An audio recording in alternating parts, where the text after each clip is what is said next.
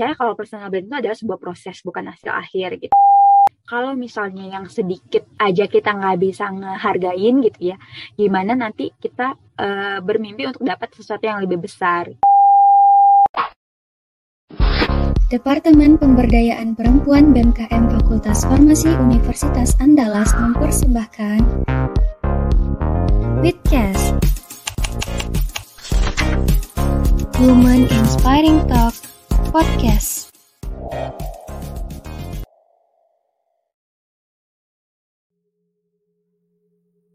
Oke kak, kita move ke next pertanyaan ya kak.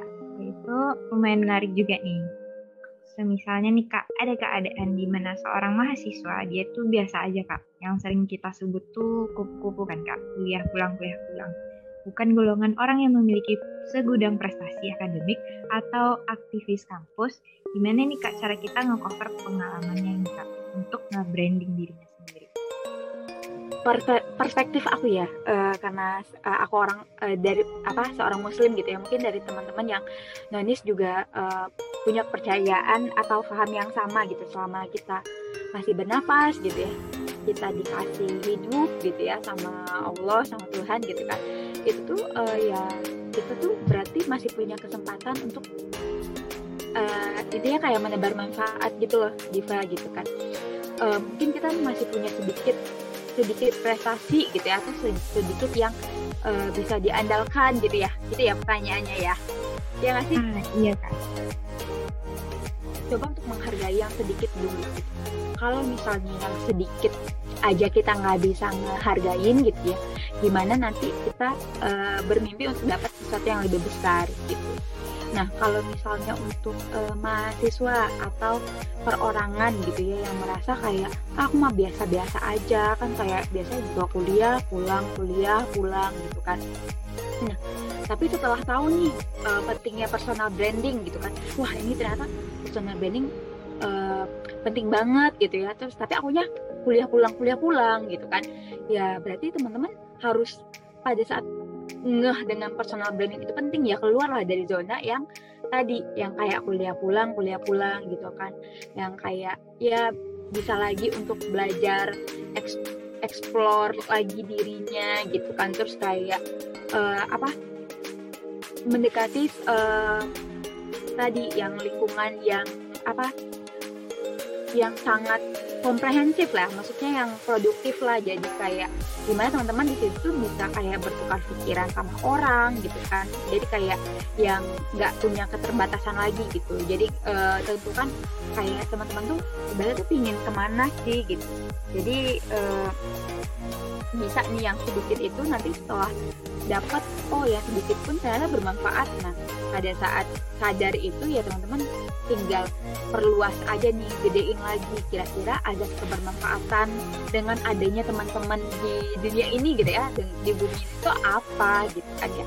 Apalagi sebenarnya kan nanti kalau uh, apa apalagi kalau nanti yang tadi uh, impiannya adalah masuk ke dunia profesional atau bahkan jadi pengusaha atau mungkin jadi pendidik gitu ya. Uh, itu tuh tetap perlu loh personal branding gitu ya. Perlu perlu tetap perlu loh gitu ya untuk mengeksplor diri gitu. Perlu melihat uh, at least banyak yang perlu kita upayakan sebetulnya pada saat kita membangun personal branding ini. Yaitu uh, dengan salah satunya ya udah menekan uh, keinginan teman-teman untuk uh, bersantai dan membuka diri gitu. Jadi kayak keluar dari zona nyamannya gitu loh Oke kak, berarti tidak ada kata terlambat untuk nge-branding diri sendiri ya kak? Betul, nggak ada kata terlambat untuk kita tuh nge-branding diri sendiri. Yang penting kita hargai dulu nih uh, yang kita udah lakuin sejauh ini gitu. Jadi kayak hal yang kecil kita hargai dulu. Terus nggak nggak bukan apa ya pencapaian orang lain tuh nggak bikin kita iri, tapi nggak jadiin standar orang lain yang tinggi juga sebagai standarnya kita gitu. Jadi kayak uh, kita jadi kewalahan gitu ya untuk uh, mengejar orang lain padahal kita harusnya mengukur nih kita tuh mampunya di mana itu sih yang perlu kita nanti udah tahu nih kemampuan tuh di mana eksplor diri uh, dalam-dalamnya seluas-luasnya gitu kan bisa punya uh, sisi lain yang lebih wow juga daripada orang lain gitu. Oke, noted ya teman-teman biar gampang nanti nih nge-brandingnya. Nah, udah banyak banget nih ilmu yang kita dapatin di kesempatan kali ini. Dari tadi kita udah bahas personal branding nih kak. Tapi dari teman-teman yang mendengar podcast kita kali ini pasti juga banyak nih yang kepo tentang kakak. Yaitu pengalaman kakak di bekerja di bidang industri. Nah, karena kita sama-sama tahu kan kak, industri itu nggak, dunia industri itu dan pengalaman kerja itu nggak semulus dari teori yang pernah kita dengar sebelum-sebelumnya di tempat belajar. Nah, kalau gini kak, boleh nggak kalau misalnya kakak sharing-sharing sedikit nih tentang pengalaman kakak selama bekerja di industri kak? pengalaman aku bekerja di industri ya pertama kali masuk ke industri itu kayak kaget sih sebetulnya teman-teman jadi kayak wah mahasiswa lulus terus tiba-tiba kayak uh, ya kalau aku kan memang uh, tujuannya untuk setelah lulus jadi dia bekerja dulu. Mungkin ada teman-teman yang maunya S2 nanti ya tapi ini kan uh, kalau yang bekerja akan terasa sih gitu ya. Uh, kalau dulu kita belajar tuh ya udah untuk diri kita. Bisa dibilang goalsnya adalah mau lulus gitu ya. Dapat ilmu grab ilmu yang banyak punya teman yang banyak terus lulus gitu ya. Nah beda nanti uh, dengan si ketika kita berada, di dunia profesional karena nanti kita ngomonginnya bukan lagi nilai. Ngomonginnya bukan lagi tentang kita gitu ya. Ngomonginnya nggak lagi tentang uh, gimana orang tua kita bangga ngeliat IPK kita gitu ya. Tapi ngomonginnya tuh udah luas. Ngomonginnya tuh mungkin bisa dibilang uh, udah lebih kompleks gitu. Kita ngomonginnya gimana caranya kita memberikan uh, kontribusi yang nyata gitu ya ke perusahaan tempat kita bekerja memberikan value uh, yang uh, apa uh, apa uh, nilai nilai yang besar gitu ya untuk perusahaan kita. Gimana caranya uh, apa yang kita, karya yang kita ciptakan dari tempat kita yang bekerja itu bermanfaat untuk orang lain gitu ya. Uh, bermanfaat untuk di masyarakat gitu. Nah itu sih. Jadi nanti uh, mungkin kalau bisa dibilang ada jet lag kali ya pada saat kita dari mahasiswa masuk ke dunia profesional. Tapi setelah kita jalani gitu kan kita jalani dengan kita juga uh, secara tidak langsung kemampuan berpikir kemampuan adaptasi kemampuan kita kalau bisa dibilang helikopter view-nya kita lah. Maksudnya cara kita memandang itu udah udah luas. Bukan lagi kayak uh, kampus tuh kampus gitu. Fakultas itu fakultas atau IPK tuh IPK gitu. Enggak lagi gitu karena itu sih nanti yang uh, merubah mendewasakan kita. Kan kalau sekarang teman-teman uh, lagi mencoba untuk belajar lebih uh, bijaksana dan dewasa gitu ya untuk uh, pendidikannya teman-teman. Tapi pada saat teman-teman bekerja ya teman-teman juga akan malah belajar lagi untuk lebih dewasa lagi. Karena kan sebenarnya hidup itu kayak proses ya hidup itu tuh terus belajar. Ketika kita ada uh, apa ketika kita jadi mahasiswa ya kita punya beban atau tanggung jawabnya at, uh, bisa dibilang uh, bisa dibilang kayak gini Allah tuh nggak akan menguji kita di luar kemampuan kita gitu ya. Ya pada saat teman menjadi mahasiswa ya ujiannya pasti yang kayak skripsi lah gitu ya UTS lah gitu kan. Nah tapi pada saat teman-teman udah naik gitu kayak naik tangga lah gitu ya.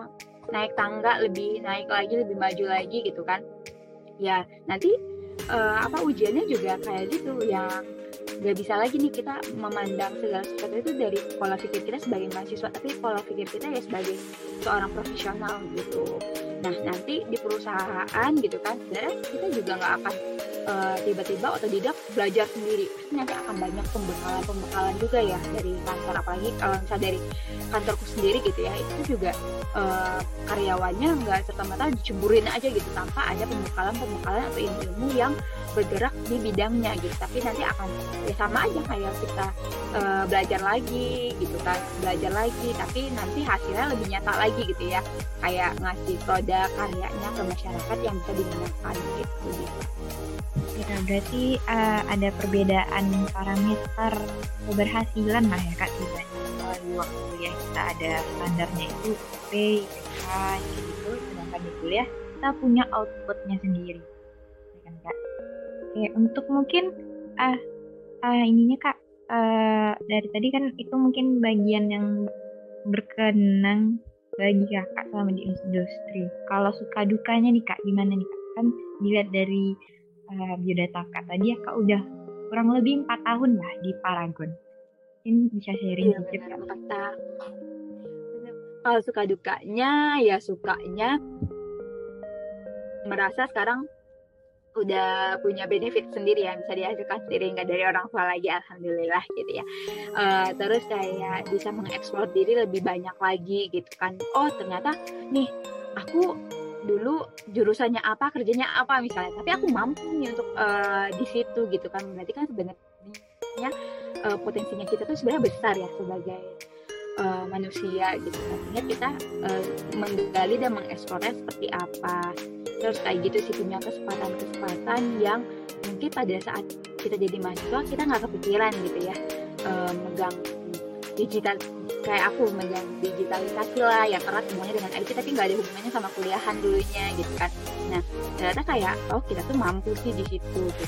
Nah eh, terus kita bisa misalnya eh, dengan posisi kita as leader gitu ya kita punya bisa punya subordinat di mana kita eh, apa punya challenge gitu punya tantangan untuk bisa mengembangkan orang lain gitu kan. Padahal dulu kita ngembangin diri sendiri aja susah ya. Misalnya menggali apa yang kita mau aja kita masih mikir. Nah sekarang kita eh, apa dituntut untuk bisa men- apa mewadahi orang lain. Nah itu sih. Itu tuh menjadi hal yang menyenangkan sebetulnya karena sembari kita mau apa eh, mengeksplor diri kita kita ternyata juga eh, bermanfaat hadirnya kita untuk orang lain. Kalau dukanya dukanya apa ya? Dukanya mungkin kayak eh, teman-teman kalau misalnya manajemen waktunya itu masih ngawur kayak aku gitu ya. Kadang kayak oh bekerja tuh kayak terasa 24 jam kok nggak cukup ya gitu ya gitu ya. Kapan nih istirahatnya gitu. Kapan nih healingnya gitu kan. Ah mau cuti ah gitu ya. Mungkin ada ada aja terbesit hal-hal yang seperti itu. Tapi balik lagi nanti gimana caranya kita eh, apa eh, manajemen waktu gitu ya atau nanti kita memang butuh suatu waktu di mana kita istirahat bentar ambil nafas dulu gitu kan. Bentar gitu ya itu bentar nanti habis itu ngegas lagi gitu set set set lagi. Kayak gitu sih paling ya dukanya. Ya thank you nih kak udah sharing-sharing nih ke kami tentang pengalaman kakak bekerja di sana. Nah kami juga mau nanya nih kak. Selama kakak kerja di Paragon sendiri kak masih ada nggak kira-kira ngelihat atau mengalami kondisi maupun situasi di mana adanya kesenjangan posisi atau tupoksi kerja seorang perempuan kak kalau ngomongin kantor aku ya Diva ya eh, kalau di kantor lain aku kan nggak tahu ya. Tapi kalau misalnya di Paragon alhamdulillah kayak tupoksi eh, atau amanah-amanah dalam bekerja itu tuh sama sih ya menurut aku gitu kan. Karena kan Paragon itu tuh eh, bergeraknya di bidang manufaktur ya. Jadi kayak eh, ada ada kantor pusatnya bahkan ada kantor cabang-cabangnya. Misalnya di kayak di Sulawesi di eh, Sumatera gitu kan at least itu tuh eh, bisa dibilang orang yang ngisi di area-area tersebut tuh nggak nggak cuma cowok loh gitu ya. Eh, ada banyak perempuan juga gitu kan. Tugasnya kayak gimana? Untuk mengeksplor bisnis memperluas jangkauan bisnis. Berarti kan harus kayak mungkin ada- ke area suburban gitu kan ke pelosok-pelosok. Dan keren loh eh, mereka bisa loh mereka setangguh itu gitu. Jadi kayak nggak ada tuh yang namanya kayak oh ini tuh harus dikerjain sama pria. Oh posisi ini tuh harus pria karena lebih tinggi daripada wanita. Enggak sih. Alhamdulillahnya di Paragon itu kayak kita tuh punya kesempatan yang sama untuk mengembangkan diri gitu. Tergantung kitanya mau nggak mengembangkan dirinya gitu.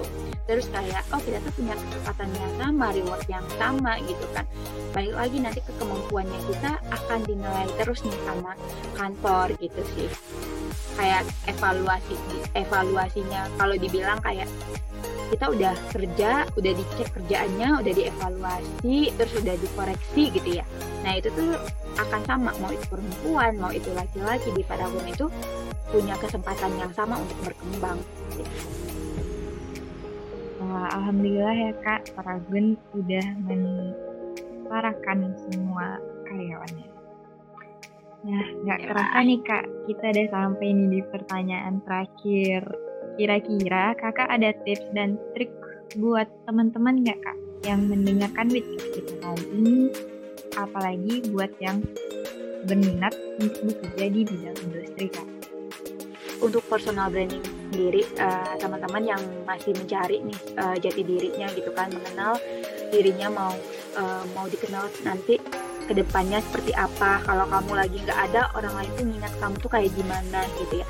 Personal branding itu tuh uh, percaya kalau personal branding itu adalah sebuah proses bukan hasil akhir gitu. Jadi teman-teman jangan malu, jangan membatasi diri untuk bisa mengeksplor dirinya teman-teman untuk menentukan next ke depannya aku tuh mau apa sih, mau dikenal sebagai apa sih. Gak ada kata terlambat, dimulai dari sekarang gitu ya.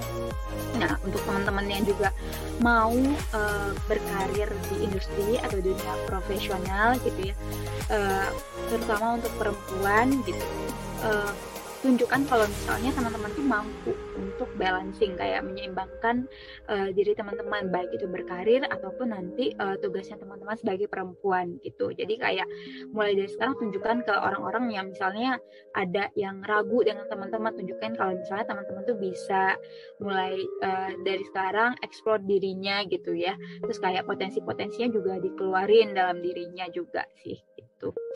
Itu aja sih Div dari aku. Oke kak, tolong noted ya teman-teman dan rekan-rekan lainnya di sangat-sangat informasi yang penting buat kita dan ini bahkan kepake banget. Nah, sebelum menutup podcast kita kali ini, mungkin kakak bisa menyampaikan satu dua kata sebagai closing statement nih kak dari kakak serta pesan yang ingin disampaikan kepada calon-calon wanita karir yang sedang mendengarkan uh, podcast kita kali ini.